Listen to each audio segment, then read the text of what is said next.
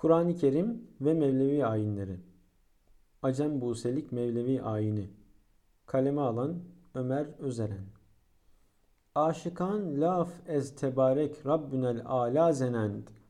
Sadıkan lebbeyk vahyullahi ma evha zenend. La cerem ez aşikanü sadıkan ez suzi değil. Darbha ber tablı subhanellezi esra zenend.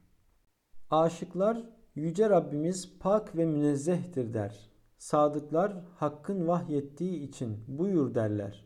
Şüphesiz aşıklar da sadıklar da gönülleri yanarak kulunu bir gece Mescid-i Haram'dan Mescid-i Aksa'ya götüren Allah'ın şanı ne yücedir davulunu çalarlar.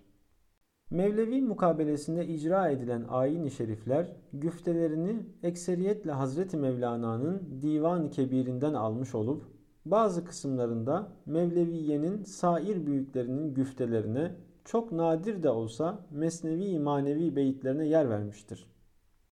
Yukarıda yer alan beyitler ise Abdülbaki Nasır Dede'nin bestelediği Acem Buselik Mevlevi Ayin-i Şerifinin 3. selamının başında yer almaktadır.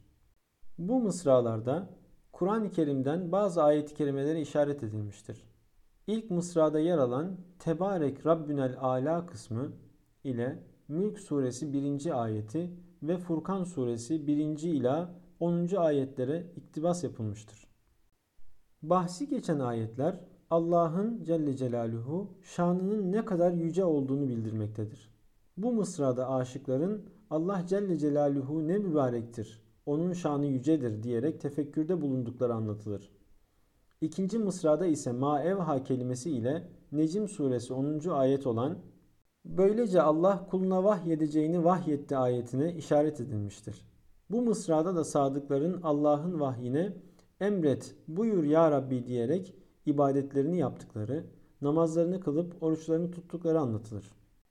İlk mısrada geçen suzi dil kelimesi yani aşıkların ve sadıkların gönüllerinin yanması ile İsra suresi 36. ayette kulak, göz ve kalbin insanların yaptıklarından sorumlu olduğunun bildirilmesi arasında bir iktibas vardır.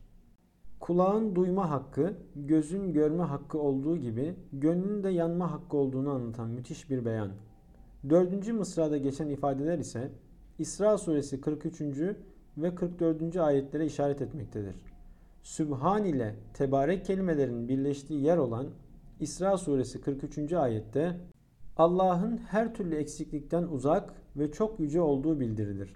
44. ayette ise yedi kat gök, yer ve bunlar içerisinde bulunanların Allah'ı tesbih ettiği, her şeyin onu hamd ile tesbih ettiği anlatılır. Ayrıca Sübhanellezi Esra ifadesi ile de Miraç hadisesinin anlatıldığı İsra suresi 1. ayete doğrudan iktibas yapılmıştır. Birinci beyitte aşıkların Allah'ın mübarek ve şanının yüce olduğunu söyledikleri, sadıkların ise Allah'ın vahyine, emirlerine buyur diyerek ibadetlerini yerine getirdikleri, namazlarını kılıp oruçlarını tuttukları anlatılmıştı.